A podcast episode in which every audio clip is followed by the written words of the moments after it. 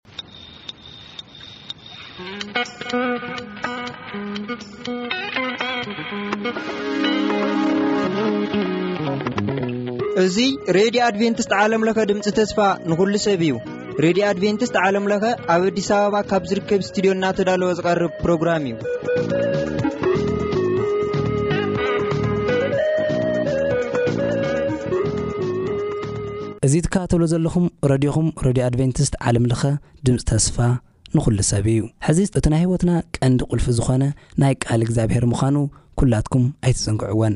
እስቲ ብሓባር እነዳምጽ።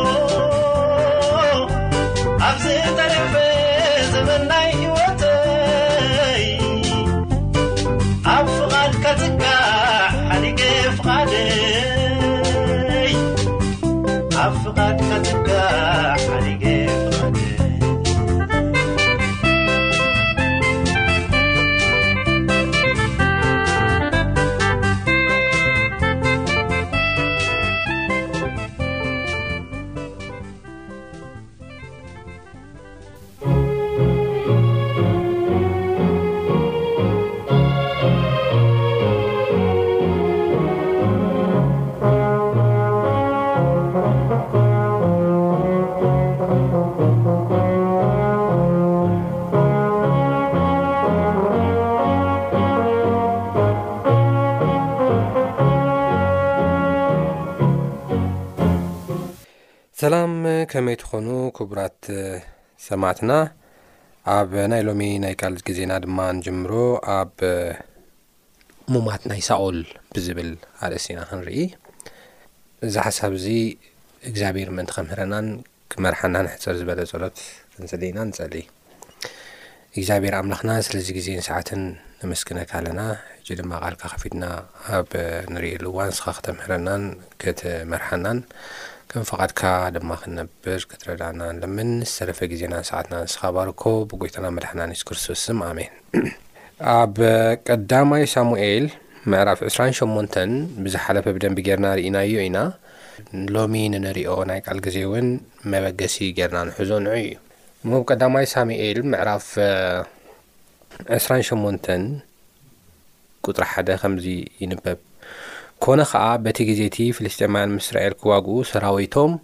ኣኽተቱ ኣኪሽ ንዳዊት ንስኻን ሰብካን ምስ ሰናይ ናብ ውግእ ከም እትወፁ ብርግፅ ፍለጥ በሎ። ዳዊት ድማ ንኣክሽ፣ እምበኣር እቲ ጌላኻ ዝገብሮ ንስኻ ክትርኢ ኢኻ በሎ። ኣክሽ ከኣ ንዳዊት፣ እምበኣር ኵሉ ግዜ ሓላው ነፍሰይ ክገብረካ እየ በሎ። ሳሙኤል ድማ ሞይቱ ነበረ፣ ብዘለዉ እስራኤል ከኣ ኣልቂሶምሉ፣ ኣብቲ ኸተምኡ ኣብ ራማ ቀቢሮሞ ነበሩ። ሳኦል ድማ መንፈስ ጥንቈላ ንዘለዎም መውደቕቲ ዛዕጎልን ካብታ ሃገር ሰጒግዎም፣ ነበረ። ፍልስጥኤማውያን ከኣ ከቲቶም መጺኦም ኣብ ሹኔም ሰፈሩ፣ ሳኦል ድማ ንብዘሎ እስራኤል ኣኽተተ፣ ኣብ ጊልቦዓ ኸኣ ሰፈሩ ይብለና። እዚ ሓሳብ እዚ ከም መበገሲ ከይድና ኣብ ንርእየሉ እዋን ፍልስጥኤም ሰራዊቶም ኣብ ሹኔም ከም ዘስፈሩ፣ እስራኤላውያን ድማ ኣብ ጊልቦዓ ሰራዊቶም ከም ዘስፈሩ ይዛረበና። ጊልቦዓ ዝብል ሰፈር ናብቲ ዋና ሓሳብ ቅድሚ ምኻድና፣ ጊልቦዓ ዝበሃል ቦታ ጊደውን ንጸላእቱ ወይ ድማ ንሚድያናውያን ዝሰዓረሉ ቦታ እዩ። ጊደውን ብጣዕሚ ዓቢ ዓወት ዝሓፈሰሉ እዩ ያውም ብሰለስተ ሚእቲ ወተሃደራት ብዙሓት ኣኽቲቱ ደሓር እግዚኣብሄር መሪጹ መሪጹ መሪጹ መሪጹ ጽኑዓትን ሓያላትን ብሰለስተ ሚእቲ ሰራዊት ዓቢ ዓወት ዝረኸበሉ ቦታ እዩ ነገር ግን ኣብቲ ግዜ እቲ ጊዶን ብመንፈስ ቅዱስ ተመሪሑ ናይ እግዚኣብሄር ምርሒት ተኸቲሉ ናይ እግዚኣብሄር ቃል ሰሚዑ ናይ እግዚኣብሄር ትእዛዝ ተኣዚዙ ብምኻድ እዩ ከምዚ ዓይነት ዓብዪ ዓወት ክዕወት ዝኸኣለ ስለዚ ጊልቦዓ ኣብ ታሪክ እስራኤል ናይ ዓወት ስፍራ እያ ትበሃል ነይራ። እንተኾነ ግን ኣብዚ ሕጂ ነንብቦ ዘለና ቦታ ኣብ ቀዳማይ ሳሙኤል ምዕራፍ ዕስራን ሸሞንተን ግን ጊልቦዓ እስራኤላውያን እኳ እንተሰፈሩ እቲ ስፍራ ናይ ዓወት ዘይኮነስ ናይ ፍርሕን ናይ ራዕድን ናይ ጭንቀትን ቦታ ከም ዝኾኖም ኢና ንርኢ። ካብ ምንታይ ዝተላዕለ ካብ ምንታይ ዝተላዕለ እዩ? እንታይ ምክንያቱ? ኣብዚ ብብዝሒ ሰራዊት ብስጋ ክረኣ ከሎ ሳኦል ዶ ብዙሕ ሰራዊት ዶ ኣይነበሮን እዩ? ናይ መጀመርያ ንጉስ እስራኤልስ ዶ ኣይኮነን እዩ? ብዙሕ ዓወታትስ ኣይተዓወተን ዶ? ልምዲ ዘለዎ ሰራዊት ዶ ከይኮነን? ኢልና ብዙሕ ከነልዕል ንኽእል ናብ ስጋዊ ሰራዊት። ነገር ግን ዓወት ካብ እግዚኣብሄር እምበር ካብ ስጋ ዝመጽእ ኣይኮነን። ስለዚ እዛ ጊልቡዓ ትበሃል ስፍራ ንሳኦል ናይ ምናልባት ድሓር ፅኒሕ ኢልና ክንርኤና ናቱን ናይ ደቁን ከምኡውን ናይቲ ጋሻ ዛግሪ እዩ ወይ ድማ እቲ ናቱ ጦራት ዝስከም ዝነበረ ዝውርወር ፍላፃታት ኩሉ እቲ ናይ ወተሃደር ዕጥቅታት ዝስከም ዝነበረ ጋሻ ዛግሪኡ እውን ዝሞተሉ ቦታ እዩ ኮይኑ ጊልቦዓ ከምዚ ዓይነት ሞት ድማ ንእስራኤል ዓብዪ ውርደት እዩ ሓደ ንጉስ ምስ ሰለስተ ደቁ ከምኡውን ምስ ጋዣ ዛገድኡ ከመውት ከሎ ክሳብ ክንደይ ዓብዪ ውርደት ከም ዝኾነ ዘርኢ እዩ ኪንዮ እዚ ኣብ ብሉይ ኪዳን ግዜ ውግእ ናይ ሰባት ውግእ ጥራሕ ኣይነበረን እዚ ውግእ እዚ ናይ ኣማልኽቲ ውግእ እውን እዩ ነይሩ ብኻልእ ኣባህላ ሓደ ሰራዊት ንሓደ ሰራዊት ወይ ድማ ሓደ ዓዲ ንሓደ ዓዲ ክስዕር ከሎ እቲ ንሶም ዝትርጉሞ ኣምላኽ እስራኤል ሓያል እዩ እናበሉ ወይ ድማ እቶም ጣዖት ኣምለኽቲ ኸዓ ኣምላኽ ፀሓይ ሓያል እዩ እናበሉ ዝመጓገስሉ ዝነበሩ ናይ ኣማልኽቲ ውግእ እውን ከም ዝነበረ ኢና ንርኢ ስለዚ እዚ ንሳኦል ዓብዪ ውርደት ጥራሕ ዘይኮነ ደቁ ንዕኡን እውን ንጋሻ ዘግርኡን ንሙማት ዘቃልዐ ውግእ ጥራሕ ዘይኮነ ሲ ኣምላኽ እስራኤል እውን ኣብዚ ግዜ እዚ ብናይ ኣህዛብ ዓይንቲ ብጣኦት ኣማልኽቲ ዓይኒ እውን ኣምላኽ እስራኤል እውን ብኣሉታዊ መንገድ ዝተራእየሉ መንገዲ እዩ ነይሩ በቶም ኣህዛብ ማለት እዩ ኣምላኽ ናቲ ጣኦት ስዒሩ ናትና ሓያል እዩ ዝተባህለሉ ከይዱ እዩ ነይሩ ማለት እዩ ብዝኾነ እዚ ኣስቢሕና ብ ዝቕፅል ክንሪኢ ኢና ከመይ ከም ዝሞቱ ከመይ ከም ነበረቲ ጦርነት ክንሪኢ ኢና ከም ፍቓድ ኣምላኽ ናይዚ ምኽንያት እንታይ እዩ ግልቡዓ ንጊደውን እሞ ከዓ ብንእሽተይ ሰራዊት ንሚድናውያን ብዓብዪ ስዕረት ክስዕሮም ከሎ ናይ ዓወቱ ቦታ ክትኮነሉ ካላ ንሳኦል ግን ናይ ዓብዪ ውርደትን ዓብዪ ጥፍኣትን ዝኾነሉ መንገዲ እንታይ እዩ ምኽንያት ክንቅጽል ኢና ቀዳማይ ሳሙኤል ምዕራፍ ዕስራን ሸሞንተን ምዕራፍ ዕስራን ሸሞንተን ፍቕዲ ሓሙሽተ ከምዚ ይብል ሳኦል ድማ ነቲ ሰፈር ፍልስጤማን ምስ ረኣዮ ፈርሀ ልቡ ኸዓ ኣዝዩ ተሸበረ ሳኦል ድማ እግዚኣብሔር ጠየቖ እግዚኣብሔር ግና ብሕልምታት ኮነ ብኡሪም ኮነ ብነቢያት ኮነ ኣይመለሰሉን ኣይመለሰሉን። ሽዑ ሳኦል ንገላኡ፣ ናብኣ ከይደ ኽጥይቓስ፣ ሕጂ ኣብዘን ክልተ ጥቕስታት ኴንና ኣብ ንርእየሉ እዋን፣ ሳኦል እንታይ ገበረ ይብለና፣ ፈርሀ፣ ልቡ ኸኣ ኣዝዩ ተሸበረ ይብለና። ንምንታይ እዩ ተሸቢሩ ሳኦል? ንምንታይ እዩ ፈሪሑ? ንዕኡ ሰራዊት ኣለዎ። ግን ንምንታይ? እቲ ሰራዊት ካብ ሰራዊት ስለ ዝበዝሐ ኣይኮነን፣ ነገር ግን ሓደ ነገር ስለ ዝኾነ እዩ። እቲ ምኽንያት ከኣ እንታይ እዩ? ሳኦል ብዘመኑ ዅሉ ናይ እግዚኣብሄር ቃል ኣይተኣዘዘን። ንሱ ጥራሕ ኣይኰነን። ኣብዚ ናይ ምፍርሑ ዋና ምኽንያት ኬድና ኣብ ንርእየሉ እዋን ኣብ ቀዳማይ ሳሙኤል ምዕራፍ ዓሰር ሰለስተ ኣብ ቀዳማይ ሳሙኤል ምዕራፍ ዓሰር ሰለስተ ሳሙኤል ብህይወት ከሎ ዝተዛረቡ ሓደ ቓል ነይሩ እንታይ እዩ ተዛሪቡ ካብ ቅፅሪ ሸሞንተ ከንብብ ይደሊ ከምታ ሳሙኤል ዝመደባ ተፀበየኒ ኢልዎ ነይሩ ሳሙኤል ተፀበየኒ ድሕሪ ሸውዓተ መዓልቲ ክመፅኤ ድሓር ኣነቲ ዝብለካ ክትገብር ኢኻ ኢልዎ ነይሩ ነገር ግን ፍልስጠማውያን ኣብቲ ግዜ እቲ ኣብ ቀዳማይ ሳሙኤል ምዕራፍ 13 ክዋግእዎም ምስ መፁ ሸውዓተ መዓልቲ ምስ መለ ምስ ሓለፈ ሰዓታት ምስ ሓለፎ ሳሙኤል ግና ናብ ጊልጋል ኣይመፀን እቲ ህዝቢ ድማ ካብኡ ፋሕ በለ ሽዑ ሳኦል ዝሓሪ መስዋእትን ምስጋና መስዋእትን ኣቕርቡለይ በለ፣ ዝሓሪ መስዋእቲ ኸኣ ሰውአ፣ ኰነ ድማ እቲ ዝሓሪ መስዋእቲ ኣዕሪጉ ምስ ፈጸመ፣ እንሆ፣ ሳሙኤል ከኣ መጸ። ሳኦል ከኣ ሰላም ክብሎ ኢሉ ክቕበሎ ወጸ፣ ሳሙኤል ድማ እንታይ ግብሪ ገበርካ? ሳኦል ከኣ እቲ ህዝቢ ኻባይ ፋሕ ከም ዝበለ፣ ንስኻ ድማ በትን በትን እተመደባ መዓልትታት ከም ዘይመጻኻ፣ ፍልስጥኤማውያን ኣብ ሚክማሽ ከም እተኣከቡ ርኤኹም'ሞ፣ ስለዚ ግና፣ ኣብ ቅድሚ እግዚኣብሄር ከይጸለኹ ኸለኹ፣ ፍልስጥኤማውያን ናባይ ናብ ጊልጋል ሕጂ ኺወርዱ እዮም፣ ኢለ ደፊረ ዚሓርር መስዋእቲ ኣዕረግኩ፣ በለ። ሳሙኤል ድማ ንሳኦል በሎ፣ ዓሺኻ፣ እቲ እግዚኣብሄር ኣምላኽካ ዝኣዘዘካ ትእዛዝ ኣይሓለኻን፣ እንተ ዘይኰነስ፣ ሕጂ እግዚኣብሄር ንመንግስትኻ ኣብ እስራኤል ንሓዋሩ መጽንዓልካ ነይሩ። ሕጂ ግና፣ እታ እግዚኣብሄር ዝኣዘዘካ ኣይሓለኻን እሞ፣ መንግስትኻ ኣይትቐውምን እያ፣ እግዚኣብሄር ከም ልቡ ዝበለ ሰብኣይ ደልዩስ ን እግዚኣብሄር ኣብ ልዕሊ ህዝቡ ሹም ገበሮ ኢሉ እዛ ቃል እዚኣ ተዛሪቡ ሳኦል ስልጣን ፈታዊ እዩ ነይሩ እዚኣ ቃል እዚኣ ምስ ሰምዐ እግዚኣብሄር ሹም ጊሩ ኣሎ ንእስራኤል ንጉስ ኦሬዲ ሸይሙ ኣሎ ዝብል ቃል ምስ ሰምዐ ብገዛእ ርእሱ እታ ዝነበረቶ ስልጣን ንምሕላው መን ሹም ዝተገብረ ኢሉ ኣጻርዩ ቀጺሉ ዳዊት ከም ዝዀነ ምስ በጽሖ፣ ንዳዊት ከጥፍእ ከኣ ለይትን ቀትርን ይሰርሕ ከም ዝነበረ ኢና ንርኢ። ካብ ዝገርም ነገር ሓደ ነገር እንታይ እዩ? ካልእ ዋኒኑ ገዲፉ ኵሉ ዕዩ፣ ኵሉ ሰራዊቱ፣ ኵሉ ትዋኒኑ ገዲፉ ኵሉ ነገሩ ንዳዊት ንምህዳን ከም ዝሰርሕ ከም ዝነበረ እዩ መጽሓፍ ቅዱስ ዝዛረበና። በቃ ዳዊት ምህዳን ኣበይ ኣሎ ዳዊት ናብ ካህን ኣብያታር ኸይድ ናብኡ ኸይድ ንዳዊት ዝሓብኡ ሰባት ይቐትል ብዙሕ በጀት ንዳዊት ንምህዳን ንዳዊት ንምቕታል ይፅዕር ኩሉ ስርሑ ገዲፉ ኩሉ ስርሑ ገዲፉ ኣብ ክንዲታ ሃገር ኢኮኖሚካሊ ንክትዓቢ ኣብ ክንዲ ምግባር ኣብ ክንዲታ ሃገር ሰራዊቱ ድልዋት ካብ ፀላእቲ ዝሕሉ ድልዋት ኣብ ክንዲ ምግባር ንሱ ለይትን ቀትርን ኣብ ከምዚ ዓይነት ሰሓቦ ጉተቶ ከም ዝኣተወ ኢና ንርኢ ያውም ዳዊት ከም ካልእ ሰብ ኣይነበረን እግዚኣብሄር እኳ ሹም ተገበሮ ናይ እግዚኣብሄር ግዜ ዝፅበ ዝነበረ እግዚኣብሄር ኣብ ግዜኡ ናብታ ዝደልያ ቦታ ከምፃኒ ኢሉ ዝኣምን ዝነበረ ሰብ እዩ ነይሩ ሹም ጌርኒ እሞ ብሓንሳብ ክወግኦም እየ፣ ሽም ጌርኒ እሞ ሰራዊት ኣኽቲተ ብሓንሳብ ክግልብጦ እየ ዝብል ሰብ እንኳን ኣይነበረን ዳዊት። ክልተ ግዜ ረኺብዎ ነይሩ ንሳኦል። ክልተ ግዜ ክቐትለሉ ዝኽእል መንገዲ ክልተ ግዜ ነይሩ። ልዕሊ ክልተ ግዜ ረኺቡ ነይሩ ዳዊት ንሳኦል። ጨርቂ ቆሪፁ ኣርእይዎ እዩ። እግዚኣብሔር ኣብ ኢዱ ሕሊፉ ከም ዝሃቦ ኣርእይዎ እዩ። ግን ኣይቀተሎን እግዚኣብሄር ኣብ ዝቐብኦ ኣነ ኢደይ ኣየልዕልን እየ ኢሉ ናይ እግዚኣብሄር ግዜ ዝፅበ ዝነበረ ሰብ እዩ ነይሩ ዳዊት ከም ካልእ ሰብ እኳ ኣይነበረን ነዚ ዓይነት ሰብ ግን ሳኦል ንኸጥፍእ ይሃድኖ ከም ዝነበረ ኩሉ ስርሑ ሓላፍነቱ ኣብቲ ናይ ንግስና ሓላፍነቱ ኩሉ ገዲፉ ናብ ከምዚ ከም ዝገበረ ኢና ንርኢ እዚ ነገር እዚ ሪኦም ድማ ፍልስጠማውያን እዚ ዓበ ክፍተት ሪኦም ድማ ፍልስጠማውያን ኣብ ሹኔም ከም ዝሰፈሩ ኢና ንርኢ። ዓበይቲ ድፋዓት ከም ዝሓዙ ኢና ንርኢ። ከምልጥሎም ዝኽእሉ ነገራት ኩሉ ስትራተጂክ ዝኾኑ ቦታታት ከም ዝሓዙ ኢና ንርኢ። ነዚ ርኢ እዩ ድማ ሳኦል ልቡ ፈርሀ ዝብለና ማለት እዩ።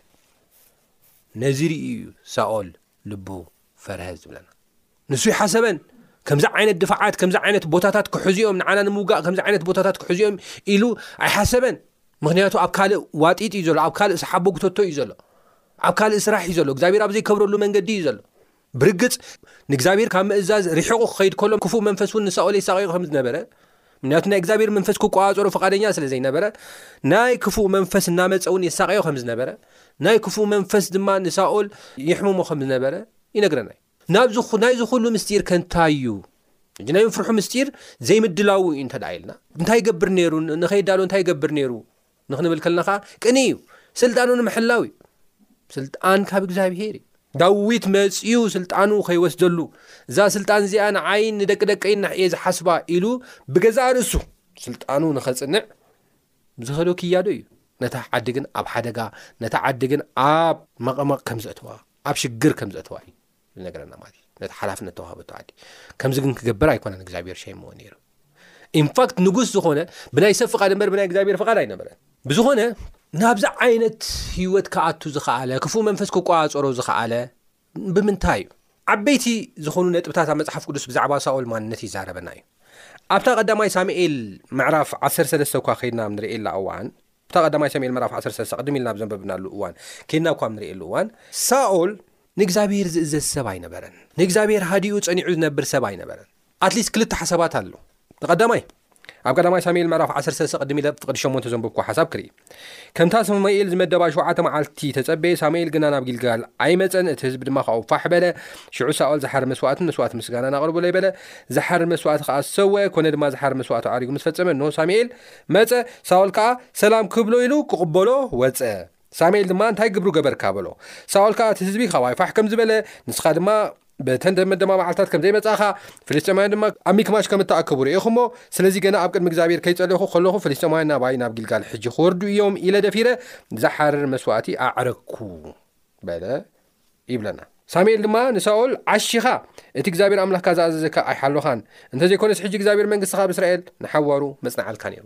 ስለዚ መንግስቱ ናይ ዘይምጽናዕ ምኽንያት ንእግዚኣብሄር ሃዲኡ ጸኒዑ ዘይምጽባዩ እዩ። ተመሳሳሊ ስሕተት እውን ኣብዛ ቀዳማይ ሳሙኤል ምዕራፍ 28 ንሪኣ ዘለና ሓሳብ እውን ኣብኣ ኣላ። እንታይ እዩ ዝብል? ንእግዚኣብሄር ሓተቶ ይብለና። ንእግዚኣብሄር ሓተቶ፣ እግዚኣብሄር ግን ብሕልሚ ኮነ ብውሪም ኮነ ብነቢያት ምንም ኣይመለሰሉን ይብለና ክነግረና ከሎ ደሓር እሱ እንታይ ገይሩ ኦ እግዚኣብሄር ስለ ዘይመለሰለይ ንገላኡ ናብኣ ከይደ ክጥይቓስ መንፈት ጥንቆላ ዘለዋ ድለይሉ ይበሎም ይብለና እግዚኣብሄር ናብቲ ዘወገዞ እግዚኣብሄር ናብቲ ዘይከብረሉ እሞ ከዓ ባዕሉ ብናይ እግዚኣብሄር ትእዛዝ ዘጥፍኦም መንፈስ ጥንቆላ ክደሊ ከም ዝኽእል ኢና ንርኢ ሃዲኡ ካብዘይ ምፅባይ በቃ እግዚኣብሔር ኣይመለሰለይ እሞ ካልእ ኦፕሽን ክጥቀም ሳሙኤል ኣይመፀን እሞ ካልእ ኣማራጭ ክጥቀም ኢሉ ምኻድ እዚ ሓደ ዓብዪ ፀገም ናይ ናይ ሳኦል እዩ ነይሩ ማለት እዩ ካብዚ ንመሃሮ ነገር ክህሉ እዩ ኢለ ተስፋ ገብር ሎሚ ኣብ ቅድሚ እግዚኣብሄር እነቕርቦም ብዙሕ ዓይነት ጸሎታት ብዙሕ ዓይነት ልመናታት ኣለዉ እዮም ነገር ግን እዚ ጸሎት እዚ ከይተመለሰ ምናልባት ነዊሕ ግዜ ክጸኒሕ ይኽእል ይኸውን ወይ ድማ ጸኒሑ ክኸውን ይኽእል እንታይ እዩ እቲ ምርጫና መጽሓፍ ቅዱስ ንእግዚኣብሄር ሃዲእካ ተጸበዮ ይብለና ንእግዚኣብሄር ሃዲእካ ተጸበዮ ኣብ መዝሙር ዳዊት ምዕራፍ 37 ፍቕዲ 7 ክንብብ ይደሊ ንእግዚኣብሄር ሃዲእካ ተጸበዮ በቲ መንገዱ ዘስልጠሉ በቲ ሕሱም ሃቐና ዝፍጽም ሰብ ኣይትኾሪ እኩያት ክጸንቱ እዮም እሞ ንእግዚኣብሄር ጽበይዎ ግና ንምድሪ ክወርስዋ እዮም እሞ ኩራ ግደፍ ሓረቐት እውን ሕደግ ኣይተንጸርጽር እዚስ ናብ እከይ ጥራሕ እዩ ዘብጽሕ ቅሩብ ጸኒሑ ትረስእ የሎን፣ ቦትኡ ክትደልዮ ኢኻ፣ ኣይክህሉን ድማ እዩ። ትሑታት ግና ንምድሪ ክወርስዋ እዮም፣ ብብዝሒ ሰላም ከኣ ደስ ክብሎም እዩ። ርእሲ ንጻድቕ ይፍሕሰሉ፣ ኣስናኑውን ይሕርቅመሉ። እግዚኣብሄር ዕለቱ ከም እትመጽእ ይርኢ እሞ፣ ይስሕቖ። ረሲኣንስ ንጥቑዓን ድኻን ክወድቅዎም፣ ነቲ ብቕኑዕ መንገዲ ዝኸይድ ከኣ ክሓርድዎም ሰይፎም መስቶም ቀስቶም ክግትሩ እዮም። እናበለ ይቐጽል። ስለዚ ብዚ። ዘሎ ሓሳብ ብምሉእ ኣብ መዝሙር ዳዊት ምዕራፍ ሰላሳን ሸውዓተን ዘሎ ሓሳብ እንታይ እዩ ዝብል ንእግዚኣብሄር ሃዲእካ ተጸበዮ እያ ትብል ጠቓልቲ እያ ንእግዚኣብሄር ሃዲእካ ተጸበዮ ምክንያቱ እቶም ትሑታት እቶም ንእግዚኣብሄር ሃዲኦም ጽበይዎ ብብዙሕ ሰላም እንታይ ክብሎም እዩ ደስ ክብሎም እዩ ንምድሪ ክወርስዋ እዮም ወረስትዮም ዝኾኑ ዓብ ክብሪ ኣለዎም እዩ ዝበልና ስለዚ ሃዲእና ክንጽበዮ ይግብኣና እዩ። ኣብነታት ኣሎ። ከምዚ ዓይነት ሰባት ዝሓለፉ ሰባት ኣብነታት ኣሎ። ናይ መጀመርያ ኣብነት ኣብ ዳንኤል ምዕራፍ ሰለስተ ዘለዉ ሃናንያ ኣዛርያ ሚሳኤል ዝበሃሉ ዕሩኽቲ ዳንኤል እዩ እዞም ሰባት እዚኦም ንብኳድናጻር ዘቖሞ ምስሊ ንኽሰግዱ ጻውዒት ከም ተገብረሎም ኢና ንርኢ ነገር ግን እግዚኣብሄር ስግደት ዝግብኦ ኣምላኽ እዩ ብዘይብኡ ንኻልእ ኣማልኽቲ ኣይንሰግድን ኢና ምስ በሉ ንብኳድናጻር ናብ ሓዉ ከም ዝድርበዩ ነጊርዎም ናብ ሓዉ ከም ዝድርበዩ ነጊርዎም ጥራሕ ዘይኮነ እቲ ሓዉ እውን ሸውዓተ ዕጽፊ ከም ዝነድድ፣ ሸውዓተ ዕጽፊ ነዲዱ ድማ ናብኡ ከም ዝኣትዉ ነጊርዎም። ድሓር ኣብ ዳንኤል ምዕራፍ ሰለስተ ሃናንያ ኣዛርያ ሚሳኤል ንኸፈራርሖም ዘምጽኦ ቓላት ንኸፈራርሖም ዝገበሮ ተግባራት ብምሉኡ ምስ ረኣዩ ከምዚ ኢሎም ከም ዝመለሱሉ ኢና ንርኢ ወንጉስ ይብልዎ እቲ እነምልኾ ኣምላኽ ካብቲ ጉህር እቶን ሓዊ ከናግፈና ይኽእል እዩ። ካብ ቁፅሪ ዓሰርተ ሽዱሽተ ከንብበልኩም ዳንኤል ምዕራፍ ሰለስተ ሲድራቅን ሚሳቅን ዓብደኔጎን እዚ ኣብ ባቢሎን ዝተዋህቦም ሹም እዩ ነቲ ንጉስ ከምዚ ኢሎም መለስሉ ወ ንብኳድናፃር በዚ ነገር እዚ ምላሽ ክንበካ ኣየድልየናን እዩ በዚ ነገር እዚ ምላሽ ክንበካ ኣየድልየናን እዩ ወ ንጉስ እቲ እነምልኾ ኣምላኽ ካብቲ ግሁር እቶን ሓዊ ከናግፈና ይኽእል እዩ ካብ ኢድካ እውን ከናግፈና እዩ። ዎ ንጉስ፣ ንሱ ከናግፈና እንተ ዘይፈተወ፣ ንሕና ንኣማልኽትኻ ከም ዘይነምልኾም፣ ነቲ ዘቘምካዮ ምስሊ ወርቂ እውን ከም ዘይንሰግደሉ ፍለጥ በልዎ ይብለና መጽሓፍ ቅዱስ ክዛረበና ከሎ። ሕጂ እንተ ዘይፈተወ እኳ ከድሕነና እንተ ዘይፈትዎ እኳ ክንሰግደሉስ ኣይንኽእልና ምኽንያቱ እቲ ክስገደሉ ዝግባእ እቲ ፈጣሪ ጥራሕ እዩ ራእይ ምዕራፍ 14 ፍቕዲ 6 ሸውዓተን ከምኡ እዩ ዝብለና ነቲ ሰማይን ምድርን ባሕርን ዓይኒ ማያትን ዝፈጠረ ን እንታይ ግበርሉ ስገድሉ እዩ ዝብለና ስግደት ዝግበኦ ፈጣሪ እዩ ካብ ዘይንቡር ናብ ንቡር ዘምፀአ ኣምላኽ እግዚኣብሄር እዩ ስለዚ ከም ሲድራቅ ሚዳቅ ኣብደኔጎ ከድሕነና እኳ እንተ ደይፈተዎ ኢልና ሃዲእና ክንጽበዮ ይግብኣና እዩ ካልይ ኣብነት እዮብ እዩ እዮብ ብዙሕ ዝኾነ ስቓይ በጺሕዎ እዩ ንብረቱ ካብ ምውዳሙ ብተወሳኺ ዘለዎ ደቁ ብምሉእ ካብ መጥፍኦም ብተወሳኺ ንዕኡ ብሕማሙን ዓብዪ ዝኾነ ስቓይ በፂሕዎ እዩ ሰበይቱ እውን ድሓር ክሒዳቱ እያ ንእግዚኣብሔር ፀሪፍካ ሙት እንታይ ገይርልካ እግዚኣብሄር ኢላቶ እያ ነገር ግን እዮብ እንታይ ኢልዋ ኣብ መፅሓፈ እዮብ ምዕራፍ ክልተ ከም ዝብል ሓሳብ ኣሎ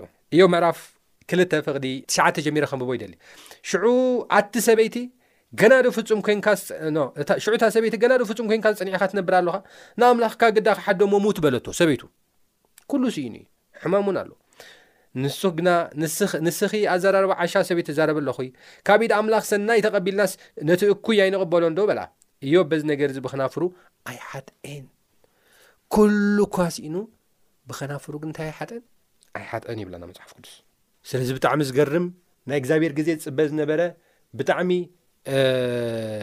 ከም ፍቓድ ኣምላኽ ዝመላለስ ሰብ ከም ዝነበረ ድማ ኢና ንርኢ ማለት እዩ ስለዚ ናይ እግዚኣብሔር ግዜ ክንጽበ ከም ዘለና ካብዚ ንምሃር ማለት እዩ እዚ ጥራሕ ግን ኣይኮነን ሓደ ኣብነት እውን ኣለና ንሱ ድማ ዳዊት በዓሉ እዩ ዳዊት እግዚኣብሔር ቀዲሙ ይውሹም ገይርዎ ከቢድ እዩ ተሸምካ ኢኻ ንጉስ እስራኤል ኮንካ ኢኻ ተቐቢእኻ ኢኻ ተባሂሉ ክነሱ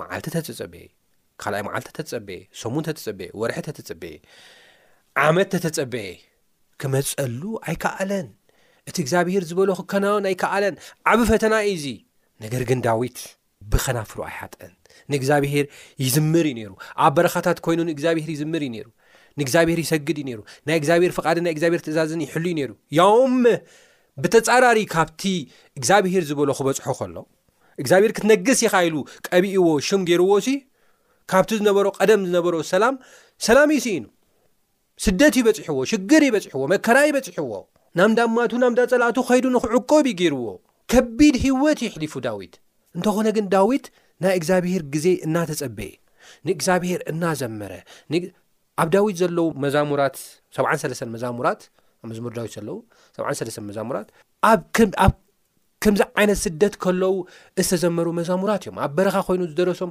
መዛሙራት እዮም። ንእግዚኣብሄር እናዘመረ እዩ ነይሩ። ንእግዚኣብሄር እናተኣመነ እዩ ነይሩ። ንእግዚኣብሄር እውን እናተኣዘዘ ካብ ሓጢኣት ንኸርሕቕ መንገዱ እናስተኻኸለ ዝነበረሉ ግዜ ኢና ንርኢ ዘለና። ኩሉ ህይወቱ ብፍላይ ኣብ በረኻ ዝነበሮ ህይወት ክንርኢ ከለና ማለት እዩ። ስለዚ ናይ ዳዊት ህይወት እውን ሃዲእና ክንፅበ ከም ዘለና ናይ እግዚኣብሄር ትእዛዝ ክንሕሉ ከም ዘለና ዘርኢ እዩ ማለት ምንም እኳ ካብቲ እግዚኣብሄር ዝሃበና ተስፋ ተፃራሪ እኳ እንተበፅሓና ንእግዚኣብሄር ግን ሃዲእና ክንጽበዮ ከም ዘለና ኢና ንርኢ ሳኦል ግን ከምዚ ነበረን ሓዲኡ ዝጽበ ሰብ ኣይነበረን ሓዲኡ ዝጽበዮ ሰብ ኣይነበረን በዚ መልክዕ እዚ ሓንሳብ ናይ እግዚኣብሔር ትእዛዝ ጥሒሱ ይኸይድ ሓንሳብ ድማ ናብ ጥንቁልና ይኸይድ እግዚኣብሔር ናብቲ ዘይበሎ ነገር ይኸይድ ብዙሕ ነገራት እናገበረ ብዙሕ ኪሳራታት ኣብ ሂወቱን ኣብ ሂወት ደቁን ኣብታ ዝመርሓ ዝነበረ ዓድን እውን ሓደጋ ከም ዘምፅአ ኢና ንርኢ ማለት እዩ ካብዚ ብተወሳኺ ሳኦል እውን ካልኣይ ዝነበሮ ሽግር ንእግዚኣብሔር እውን ኣይእዘዝን እዩ ነይሩ። ናይ ምጽባይ ሽግር ጥራሕ ኣይኮነን ነይርዎ። ኣማራጺ ዝወስድ ሰብ ጥራሕ ኣይኮነን ነይሩ። ናይ እግዚኣብሔር ትእዛዙን ዘይእዘዝ ሰብ እዩ ነይሩ። ኣብ ቀዳማይ ሰሜን ምዕራፍ 15 ከይና ንሪኢ ኣለዋን ኣጥፍኣዮም ሓደ እኳ ከይትገድፍ ከብቶም ኩሉ ነገር ኣጥፍኣዮ ኢሉ እግዚኣብሔር ክእዞ ከሎ እሱ ከብትን ማልን ዝተፈላለዩ ነገርን ይትርፍ ጽቡቕ ጦርን ዝተፈላለየ ሓደ ሓደ ነገራትን ይትረፍ እግዚኣብሔር ከምዚ ይብሎ ተጻራሪ ናይ እግዚኣብሔር ትእዛዝ ዝኸይድ ሰብ እዩ ዝእዘዝ ሰብ እውን ኣይነበረን ኣብ ቅድሚ እግዚኣብሔር ብትሕትና ዝመላለስ ሰብ እውን ኣይነበረን ሳሙኤል ብዙሕ ነገር መኺርዎ እዩ ሳሙኤል ብዙሕ ግዜ ጸልይሉ እዩ ግን ዝልወጥ ሰብ እውን ኣይነበረን እሞ እዚ ነገር እዚ ንሳኦል ንክዋጋእ ኣብ ጊልቦዓ ምስ ሰፈረ ፍርሒ ከም ዝፈጠረሉ ኢና ንርኢ ስለዚ ከነጠቓሎ ከለና ናይ ሎማዓንቲ ናይ ቃል ግዜና ሓደ ስልጣኑ ንምሕላው ካብ ዘለዎ ህርፋን